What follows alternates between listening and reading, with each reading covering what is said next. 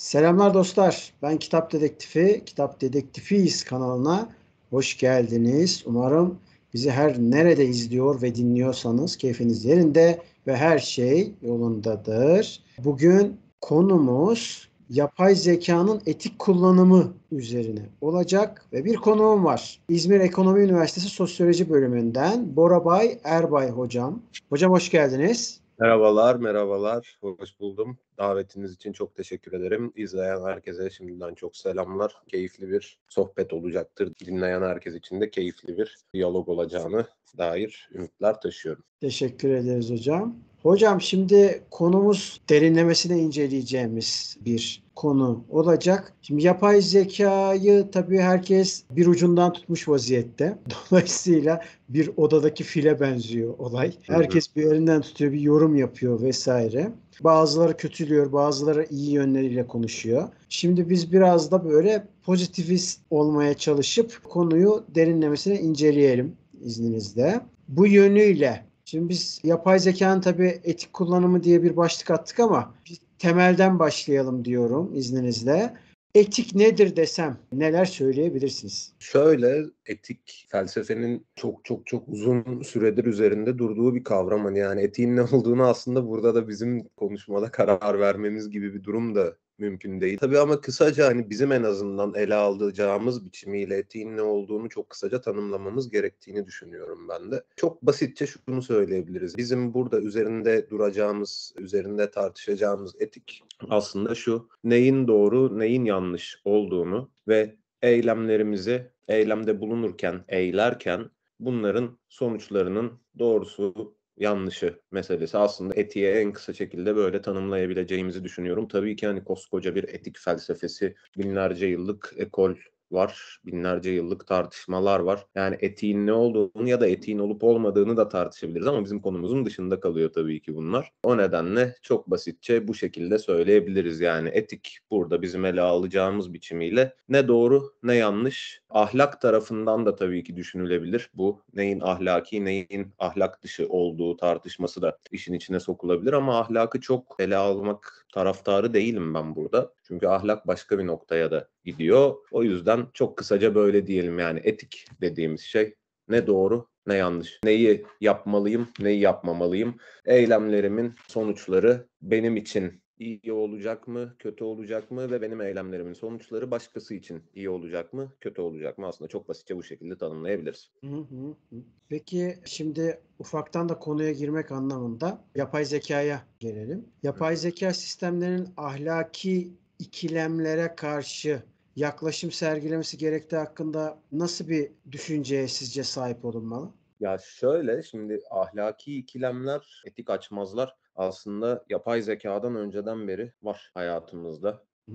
Bu nedenle şimdi tartışmamız gereken noktalardan biri yapay zeka ile ilgili etik boyutu. Şöyle şimdi ikilem dediğimiz şey nedir? Aslında bunun bir adını koymamız gerektiğini düşünüyorum ben. Şimdi yapay zeka dediğimiz şey bir aslında çok basitçe şu an için kullanılan biçimiyle elimizde olduğunu bildiğimiz biçimiyle en azından bir veriyi alıp işleyip çıktı üreten bir sistem. Bir Hı. algoritma üzerinde temellenen bir sistem. Bu ikilemler etik tarafında şu an için en azından elimizdeki boyutu şöyle bu ikilemin veriyi alıyoruz, işliyoruz, sistem işliyor ve bu veriden bir e, aslında kompleks matematiksel ve istatistiksel işlemlerle bir öngörüde bulunuyor diyebileceğimiz bir noktadayız. Şimdi burada en temel ikilem aslında zaten bugün tartıştığımız sosyolojide, sosyal bilimlerde ve bunu felsefede tartışıyor. Bu veri tarafında bir genelleme yapıldığında bu genelleme herkese uyuyor mu uymuyor mu? Aslında temel meselemiz bu. Ne kadarlık bir veriyi genelliyoruz? Bu veriyi nasıl hangi yöntemlerle genelliyoruz ve en önemli boyutu bana kalırsa bu meselenin bizim ilgilenmemizi gerektiren tarafı şu. Bu veri nereden geliyor? Kimin verisi? Kimlerden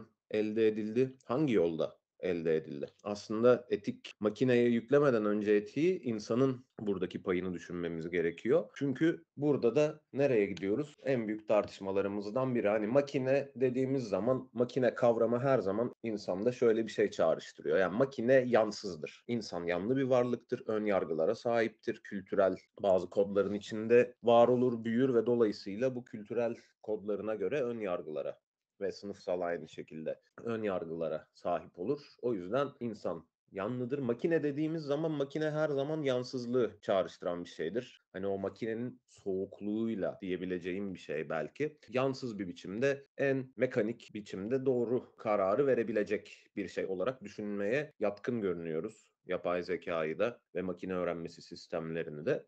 Fakat tabii ki burada şunu unutuyoruz. Bununla ilgili düşünürken az önce söylediğim şey. Yani burada bu ahlaki ikilemi çözeceksek şunu düşünmemiz gerekiyor. Veri birincisi. İkincisi bu makineyi, makine dediğim yapay zekayı, algoritmayı, makine öğrenmesini kodlayan, üreten, yaratan diyebileceğimiz kişi insan. Veri insandan ve bütün bunların tezahür ettiği yer olan internet ortamı yine insanın ürettiği bir şeyden bahsediyoruz. Ve burada yalnızca tikel bağlamda insanlar yok. Kocaman bir kapitalist sistem var ve üçüncü boyutu da bu. Bu ikilemi düşünürken bu boyutlarını düşünmemiz gerekiyor.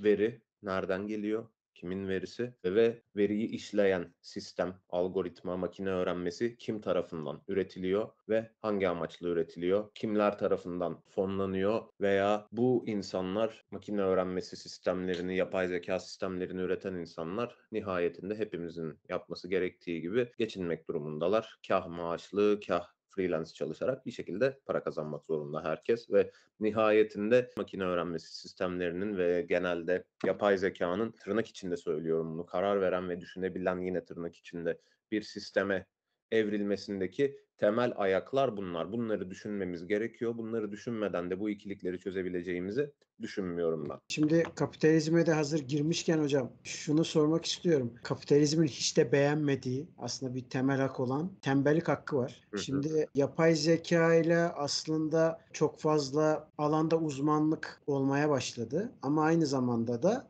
bu uzmanlıkların yarattığı bir boşluk yani bir boş zaman da olmaya başladı. Bu yönüyle kapitalizm tabii tembelliği hiç sevmediği için sürekli olarak tembellik hakkını kötüleme haline gidiyor. Peki tam bu noktada şunu sormak istiyorum. Yapay zekanın oluşturduğu bu boş zamandaki oluşan durumda biz tembellik hakkımızı kullanıyorsak bu etik oluyor mu sizce? Şimdi aslında adını koyalım. Yapay zekanın özellikle bahsettiğimiz bağlamda küresel çok uluslu şirketler ve her şirketin sahip olduğu temel motivasyona sahip olan kar maksimizasyonunu hedefleyen şirketler güdümünde toplumsal hayata dahil olduğu bir noktada aslında bize yapay zekanın tembellik hakkı sağlayamayacağını düşünüyorum. Sağlayacağı şey aslında olacaksa işsizlik olur. İşsizliği de tembellik olarak düşünmemiz zor bir şey çünkü tembellik belirli bir sermayeye sahipliği gerektirir fakat bugünün en büyük tartışmalarından biri de zaten çalışan sınıf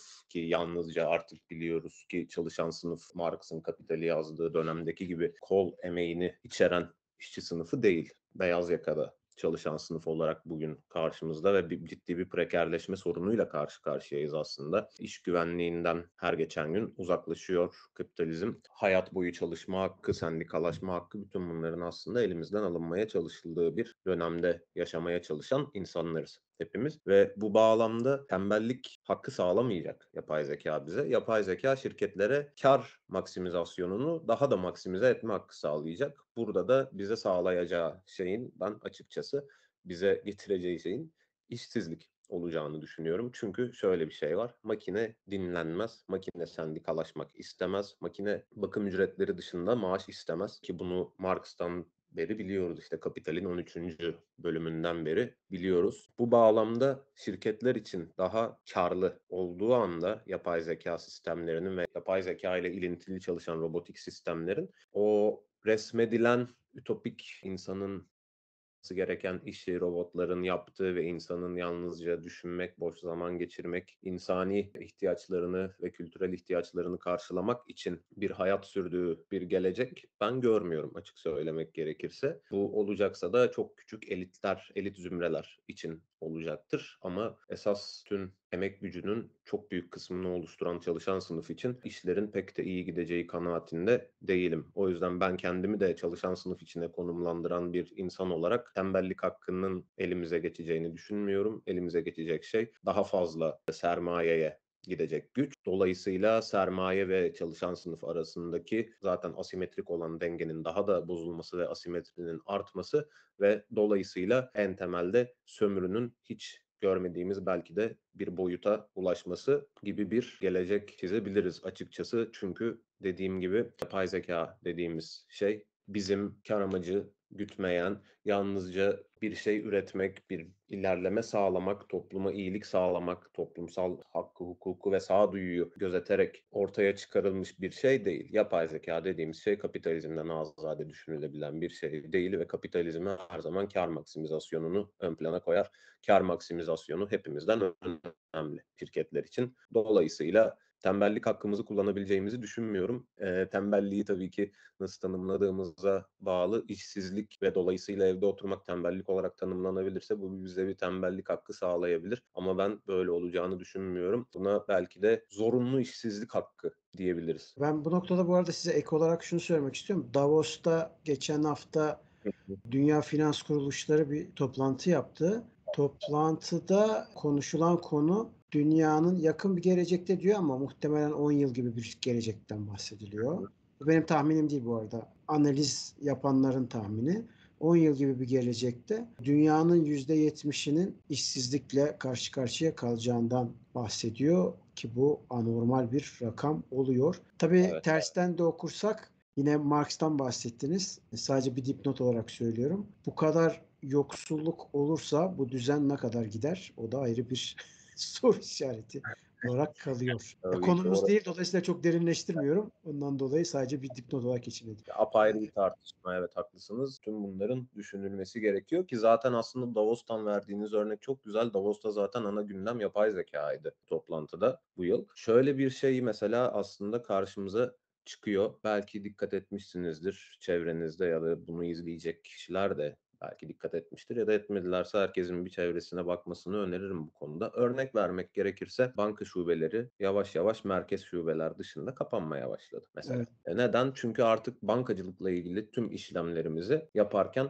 bir telefon uygulamasından bunu yapabiliyoruz ve telefon uygulamasından yaptığımız bütün bu işlemler aslında yapay zeka ile algoritmalarla yapılıyor. Yani biz telefondan bir kredi başvurusu yaparken algoritma bizi 5 saniye içerisinde değerlendiriyor. Düzenli gelirimiz ne, borç ödeme sıklığımız ne, borç ödeme frekansımız nasıl, kametgah adresimiz neresi? Ve buradaki insanların gruplanması, buradaki gelir durumu, borç ödeme durumu vesaire nasıl? Ve bu şekilde 5 saniyede yapay zeka karar vererek bizim kredi alıp alamayacağımıza karar veriyor. Bize gelen bütün bu hani e, bir kredi başvurusu yaptığınız zaman 2-3 dakika içinde gelen krediye uygun ya da kredi almanız maalesef onaylanmadı mesajları aslında tamamen insanın azade işlemeye başladı ve dolayısıyla örnek vermek gerekirse beyaz yakalı çalışanlar olarak bankacıların iş işleri tehlikeye girmeye başladı en temelde. Ve bu şekilde gördüğümüz gibi bir noktadan sonra bu işin tabii ki bütün bunlar fay zekanın ve yani bilimin aslında böyle bir şey. Bilim ve özellikle mühendislik böyle bir şey. Yani bir anda her şeyin terse dönebileceği bir denklem de olabilir. Yani bu işler biraz da böyle yürüyor. 10 yıllık birçok projeksiyon var. Hangi işler kaybolacak, hangileri biçim değiştirecek, yapay zeka hangi sektörleri en çok etkileyecek vesaire. Ama işlerin çok dramatik bir dönüş de yaşaması her zaman mümkün. Çünkü ilerleme böyle bir şey. Yani bir yıl sonra yapay zekanın nerede olacağını bilmiyoruz. O yüzden her şey değişebilir ama şu an elimizdekinden yola çıkarak düşünmek durumunda olduğumuz için mesele biraz buraya doğru gidiyor gibi görünmekte. Hocam yapay zekayı evrensel ahlak yasaları ve toplumsal sözleşmeleri oluşturmaya doğru gittiğini gözlemliyoruz. Bunun içerisinde mesela somut olarak söylemek için söylüyorum. İşte mahkemede gerçi kabul edilmedi ama daha sonra mahkemede avukat olarak kullanılması ya da hakim olarak mı görüşülecek? Özgür Demirtaş'ın söylediği bir söz vardı. Yakında yapay zekalar devletleri yönetebilecek noktaya da gelebilir demişti ki bu olasılık dahilinde. Dolayısıyla da buradan şöyle bir çıkarım mı yapmalıyız? Böyle bir olasılık varsa yapay zeka salt iyi ve aslında bir yönüyle de ya bu tabirimi de ne kadar doğru bilemiyorum. Sanki böyle bir Zeusvari bir hava esmeye başladı. Bu durumda salt iyi mi oluyor, kusursuz mu oluyor yapay zeka? Algoritmalardan çıkıyor mu acaba diye sormak istiyorum.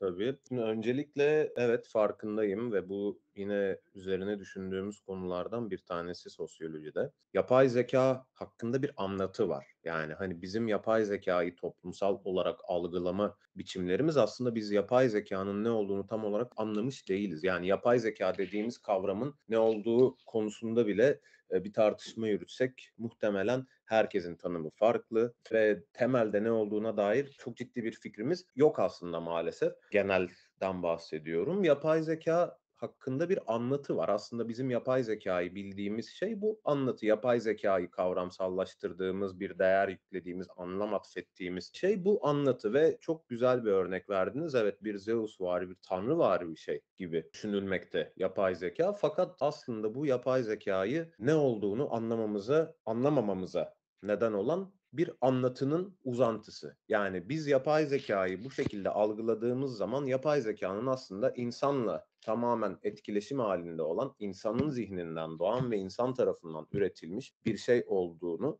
unutuyoruz böyle olduğu zaman. O zaman yapay zekanın tamamen kendi düşünebilen, karar verebilen ve bütün bunları çok doğru, çok hızlı, çok efektif bir şekilde yapabilen bir üst varlık gibi bir şey olabileceğini düşünüyoruz. Fakat öyle değil. Yapay zeka dediğimiz şey aslında az önce de konuştuğumuz gibi yani bir input var, onu bir output'a işleyen bir sistem elimizdeki şey şu an bizim. Hani dolayısıyla işte Matrix'teki gibi, Terminator'daki gibi vesaire böyle karar verebilen, düşünebilen, kendi eylemlerinin sonuçlarına düşünerek hareket edebilen bir yapay zeka sistemi bizim elimizde en azından bildiğimiz kadarıyla yok. Ve ben bunun yakın zamanda olabileceğini de düşünmüyorum. Çünkü bunun zaten bir ayrımı var. Bir artificial intelligence olarak bizim bugün dünyada kullanılmaya başlanan yapay zeka sistemleri var. Bir de artificial general intelligence diye bir kavram var. Genel yapay zeka diye Türkçe'ye çevirebiliriz bunu da. Bu genel yapay zeka dediğimiz kavram da aslında bu az önce bahsettiğim gibi yapay zekanın bizim kitaplarda, filmlerde vesaire gördüğümüz temsillerine yakın bir yapay zeka. Gerçekten kendi bilincine sahip ve insan gibi düşünüp eyleyebilen bir yapay zeka. Fakat bu şu an teorik bir düşünce ve elimizde olmayan bir şey. Ve bunun ben kısa vadede aslında elimizde olabileceğini de düşünmüyorum. Belki hiçbir zaman da olamayacak. Çünkü yapay zekayı nasıl modelliyor mühendislik? Yapay zeka nereden yola çıktı? İnsanın düşünce yapısından yola çıkarak insan gibi düşünebilen bir makine yaratmaya çalışıyoruz değil mi? Biz bunu nasıl yapıyoruz? İşte nöral networklerle mesela nöral ağlar, ağ sistemleriyle insanın zihnindeki e, sinapslar arasındaki elektrik iletimleri vesaire hani beynin çalışması aslında şu an modellenen şey. Zihnin çalışması değil. Zihnin çalışmasını modelleyemiyoruz çünkü biz aslında zihnin ne olduğunu insanlık olarak bilmiyoruz tam olarak. Zihin nedir noktasında birçok farklı teori var ve hepsi doğru olabilir, hiçbiri doğru olmayabilir. Örneğin işte yüzlerce yıldır giden evrim ve yaratılış teorileri. Şimdi zihin konusunda iki farklı teori çat diye burada söyleyebiliyoruz bir kerede ve ikisi de zihin konusunda bambaşka şeyler söylüyorlar. E şimdi evrime inanabiliriz, yaratılışa inanabiliriz fakat bunları tarihte geriye gidip ya da öteki dünyaya gidip geri gelip sınamak, saha verileriyle konuşmak gibi bir şansımız yok. O yüzden biz zihnin ne olduğu konusunda insanlık öncelikle zihnin ne olduğunu çözerse bu gerçek anlamda işte bu temsillerdeki yapay zekaya ulaşabiliriz ve ben açık söylemek gerekirse zihnin ne olduğunu çözmekten yıldızlar arası seyahatler yapmaya insanlığın daha yakın olduğunu düşünüyorum. Yani hani zihin nedir sorusuna verdiğimiz tüm sorular spekülatif aslına bakarsanız ve spekülatif bir şey üzerinden bir realite üretilemez. O yüzden yapay zekanın etrafında dönen bu anlatıları öncelikle bir ele almak ve aslında yapay zekanın bu anlatılardaki kadar güçlü, kendine kadir bir fenomen, bir varlık, bir ürün ne dersek buna diyelim olmadığını bilmemiz gerekiyor. Böyle olduğunu düşündüğümüz noktada ki zaten bu işte klasik bizi felsefenin en temel problemlerinden birine götürür. Yani hani özgür irade problemine götürür. Özgür irade var mıdır, yok mudur? Mesela neden Tanrı'nın varlığını düşünmeye yatkın insanlık. Çünkü özgür iradenin sonuçları olur. Ama bir tanrının, tanrıların vesaire istekleri güdümünde hareket eden ve bütün yapacağı şeyler, tüm eylemleri ve yaşantısı önceden belirlenmiş varlıklar olursak hiçbir şeyin hesabını vermek zorunda kalmayız. Bu da bizi aslında yapay zeka da belli bir noktada hani yapay zekanın bu kadar müthiş bir varlık, büyük çok üstün bir varlık olduğunu düşünecek anlatılara inanmaya götürdüğünü düşünüyorum. Çünkü yine böyle olursa az önce söylediğimiz gibi işte yapay zeka devletleri de yönetebilir, kararlar da verebilir, savaşlar çıkarabilir, savaşları durdurabilir ve yine nereye gideriz? Bizim hiçbir şeyde bir sorumluluğumuz yok. Biz burada böyle tüm bu sorumlulukları alan yüce varlıkların küçük temsilleriyiz aslında. Bu da bizi rahatlığa ve konformizme götürür. Konformizmden kaçmak için de kavramların altlarını kazıyarak onların etrafındaki anlatıları ortaya çıkarmak ve bu anlatıları aşarak gerçeğin özüne ulaşmaya çalışmak gerektiğini düşünüyorum ben. Evet tam olarak uçan salyangozla konuştuğumuz özellikle son kısımda neden yapay zekayı tırnak içinde tanrılaştırdığımız ya da tanrılara neden ihtiyaç duyduğumuz ve vicdan meselesini Tabii sizinkinin daha basit haliyle konuşmuştuk. Çok güzel denk geldi. Şimdi hocam şunu sormak istiyorum. Adaletten bahsediyoruz. işte eşitlikten bahsediyoruz. Bir tırnak içerisinde ideyadan bahsediyoruz. Yapay zeka için aslında kullanılan şeyler bunlar. Az önce defalarca bahsettiğimiz ve sizin de bahsettiğiniz şeylerde. Bu noktada peki Şimdi tabii toplumda sadece belirli bir sınıftan kişiler yok. Farklı özelliklerdeki kişiler var ve bu kişileri hatta bir sayısal veri olarak dersek eğer farklı temalarda insanlar var. Örneğin yaşlılar var, engelliler var, gençler var, öğrenciler var vesaire. Ama algoritmalar için bunlar sadece bir sayıdan ibaret. Dolayısıyla da tam bu noktada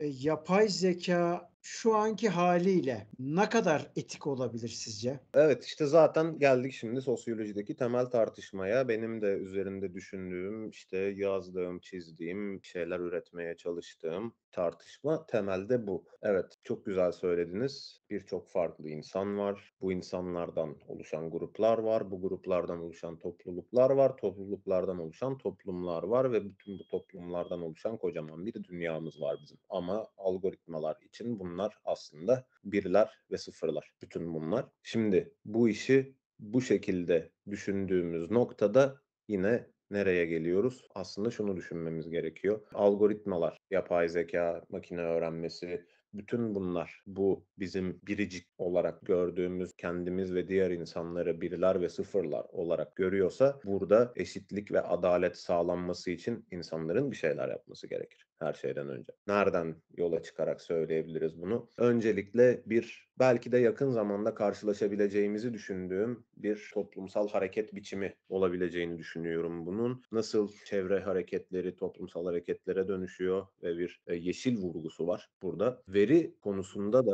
bir yeşil veri, yeşillenme talebinin gelebileceğini düşünüyorum. Çünkü veri dediğimiz şey belirli insan gruplarının seçimlerinin alıp makineye verildiği kocaman bir iz aslında bizim dijital dünyada bıraktığımız izler veriler. Ve şimdi burada bu veriyi belirli bir topluluk üzerinden alıp başka bir topluluk üzerine uygulamaya çalışırsanız burada bir sıkıntı olur. E burada ne karşımıza çıkar? Burada sorun ne veridedir ne makinededir. Burada sorun bunu uygulayan sistemdedir. Bunun bu şekilde uygulanması bu toplumdaki var olan tüm eşitsizlikleri daha da pekiştirecek, uçurumu büyütecek bir şeye dönüşecektir. Öncelikle veri konusunun çok ciddi bir şekilde düşünülmesi gerekiyor bana kalırsa ve burada sosyal bilimlere çok büyük bir iş düştüğünün kanaatini taşıyorum. Çünkü sosyal bilimler mühendislikle bir noktada burada bağ kurarak verinin ne olduğunu mühendislik biliyor. Fakat sosyal bilimler tarafından da verinin ne olduğunun bilinmesi ve mühendislik ve doğa bilimleriyle bir diyalog kurularak verinin ne olduğunun bana kalırsa tartışılması gerekiyor. Çünkü bizim işimiz bunun etik boyutlarını tartışmak. Bizim işimiz uygulamasını yapmak, kodunu yazmak vesaire değil. Ama diğer taraftan da bir diyalog kurarak verinin ne olduğunu, nasıl toplanabileceğini tartışmak ve bu verinin nasıl işlenebileceğini tartışmakta sosyal bilimlerin de bir artık harekete geçmesi gerektiğini düşünüyorum ben sosyal bilimler teknoloji konusuna e, maalesef biraz uzak kalıyor. Özellikle yapay zeka konusunda ilerlemenin hızı o kadar büyük ki yapay zeka üzerine üretilen sosyolojik bilgi örneğin fenomenin kendisinin hızını ve gücüne bir türlü ulaşamıyor. Bu nedenle sosyal bilimlere bir çağrıda bulunmak gerektiğini düşünüyorum ben. Verinin ne olduğunu, bu sistemin nasıl işlediğini hep beraber mühendislikle ve doğa bilimleriyle bir diyalog kurarak yapmamız gerekiyor bana kalırsa. Yani artık bu sosyal bilimler ve doğa bilimleri ayrımını ve dolayısıyla mühendislik ayrımını bir kenara bırakmamız gerekiyor. Çünkü bu sistemlerin şöyle bir özelliği var. İnsanlık tarihinde evet tüm teknolojilerin toplumsal boyutları var, toplumsal kullanımları ve etkileri var. Fakat insanlık tarihinde ilk kez insanlık tırnak içinde kullanıyorum bu kavramı sosyal bir teknolojiye sahip ve bu sosyal teknolojiyi sosyal bilimler kadar uzak kalırsa verinin ne olduğu tartışması ve verinin nasıl işlenebileceği ve bu verinin en doğru, en az zarar verecek çeşitli toplumsal gruplara en az zarar verecek şekilde veya en eşitlikçi, en demokratik biçimde nasıl kullanabileceği tartışması yürütülemez maalesef. O nedenle öncelikle veri konusunda böyle bir tartışma yürütmemiz gerekiyor. İkincisi verinin ne olduğunu ne kadar tartışırsak tartışalım, ne yaparsak yapalım. Şöyle bir gerçek var. Bu veri insandan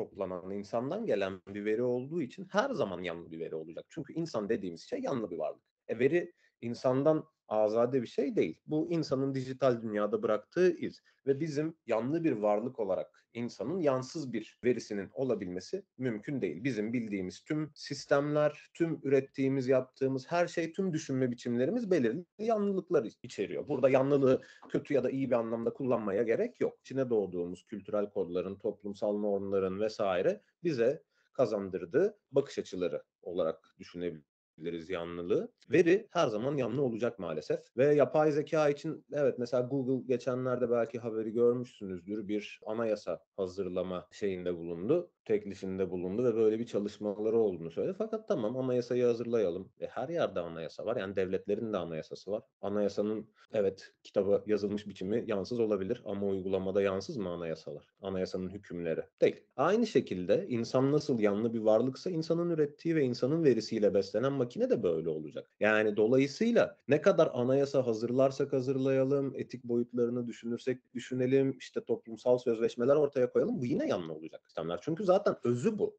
teknolojinin. Özellikle de yapay zekanın özünde bu var. Yansızlığı ulaşabileceğimizi düşünmüyorum. Yansız bir veri düşünebilir miyiz? Düşünemeyiz. Böyle olduğu noktada burada sosyal bilimlerin devreye girerek en azından bu yanlılıkları nasıl minimize edebileceğimizi, verinin nasıl en yansız biçimde, olabildiğince yansız ve olabildiğince e, demokratik bir biçimde işlenebileceğini düşünmek için mühendislik ve doğa bilimleriyle ciddi bir diyalog kurması gerektiğini düşünüyorum. Yapay zeka teknolojisi e, emekleme evresini. Bu emekleme evresini doğa bilimleri ve mühendislik kadar sosyal bilimlerde yakalarsa belki daha demokratik bir yapay zekaya erişebiliriz, ulaşabiliriz. Fakat sosyal bilimler, pay zekaya ve yeni teknolojilere bu kadar uzak kalıp da bütün bu teknolojileri birer kara kutuymuş gibi ve sosyal bilimlerin hiçbir şekilde algılayamayacağı, anlayamayacağı şeylermiş gibi düşünmeye devam ederse sosyal bilimler ve sosyal bilimciler maalesef burada bu veri etiği meselesi, yapay zeka etiği meselesi ve belki ileride göreceğimiz robot etiği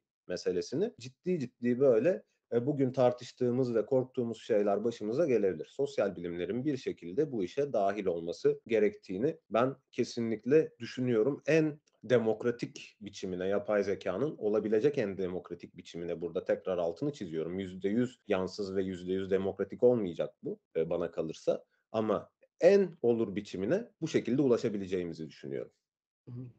Hocam peki yapay zeka bireysel mi yoksa toplumsal etiğe göre mi dikkat ediyor? Çünkü şöyle bir şey de var. Sizde daha önceki bir sohbetimizde şöyle bir şeyden bahsetmiştiniz. Kumandanın başında, joystick'in başında olan bir asker örneğin bir insan bir canlı vurduğu zaman hatta bir hayvan bile vursa yani öldürdüğünde orada insan mı suçlu olacak yoksa robotun kendi mi suçlu olacak? Ya da yapay zeka içinde aynı şeyi söyleyebiliriz. Ya da bunun gibi az önce verdiğimiz örnekten, konuştuğumuz örnekten bir adaletten bahsediyoruz mesela. Bir insanın vermiş olduğu yanlış karardan dolayı birisi idam ediliyor olabilir ya da ömür boyu hapis cezası alıyor olabilir. Uzun yıllar hapis cezası alıyor olabilir vesaire vesaire. Damgası bile yeterli sonuç itibariyle ceza alması bile.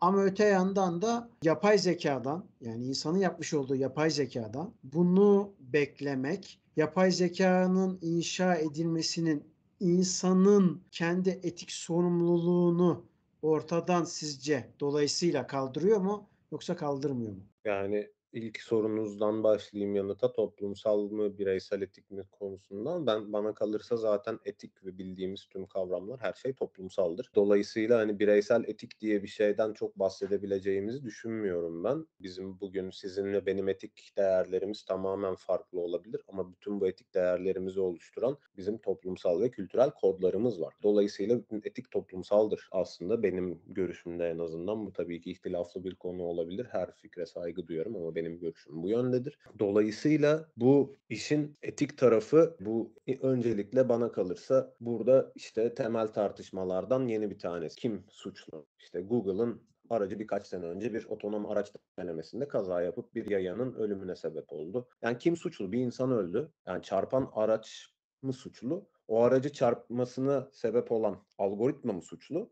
Yoksa bu algoritmayı yazan mühendis mi suçlu? Bu mühendisin yazdığı algoritmayı kontrol eden kontrol mühendisi mi suçlu? Bütün bu mühendisleri istihdam eden şirket mi suçlu? Bu şirkete bu denemeyi yapması için yetki veren devlet mi suçlu?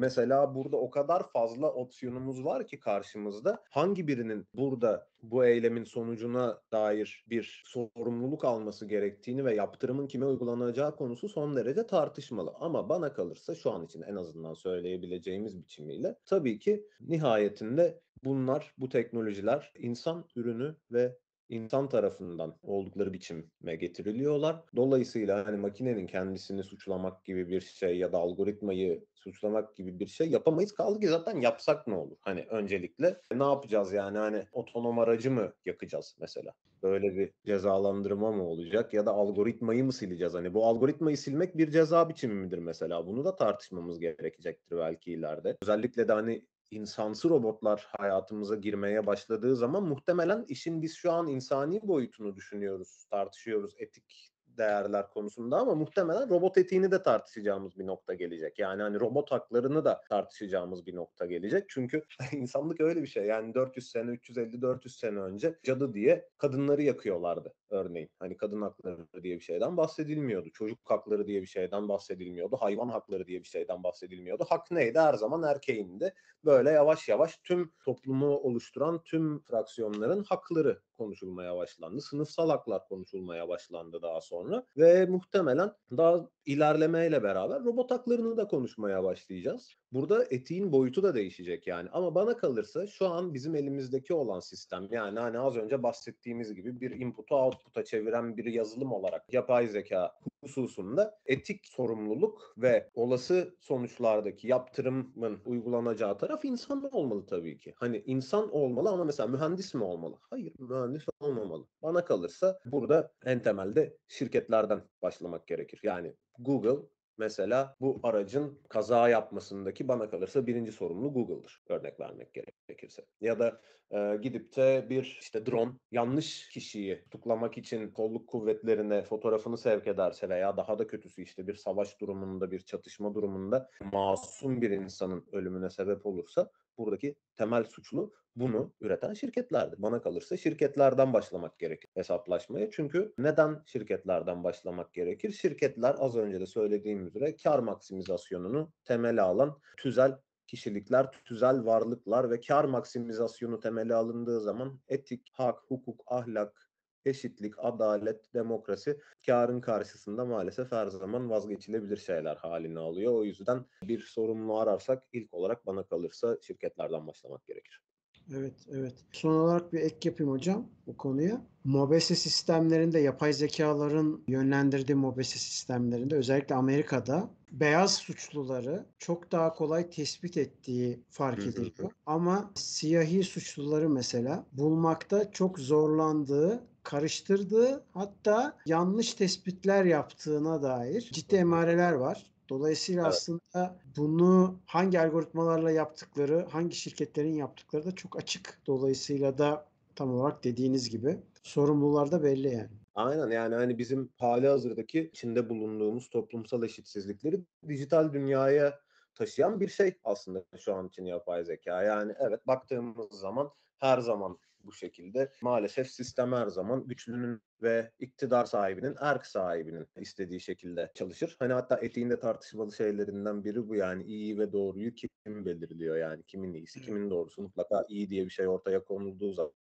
o iyinin toplumsal olarak kabul edilmesi güçlü tarafından, erk sahipleri tarafından yapılabilir. Biz iyinin ne olduğunu istediğimiz kadar kendi ikimiz aramızda konuşalım. Devlet çıkıp da şu iyidir dediği zaman bizden daha kabul edilebilir bir iyilik tanımı yapmış olur her zaman. Örnek vermek gerekirse. E, bu nedenle toplumsal eşitsizlikleri dijital dünyaya taşıyoruz. Evet taşıyacak her zaman taşıyacak az önce de söylediğim gibi. Hani çünkü insan yapan insan, verinin sahibi insan, veriyi işleyen insan, insan faktörünü işin içinden çıkaramayız. O yüzden az önce temsillerden bahsettim mesela. Çünkü yapay zekanın kendi başına e, insandan tamamen azade bir şekilde çalışan güçlü bir varlık, üstün bir varlık olduğunu düşünürsek arkasındaki insan faktörünü tamamen unuturuz. Ve o zaman şeye döneriz işte yani makineyi yakala, araç kaza mı yaptı?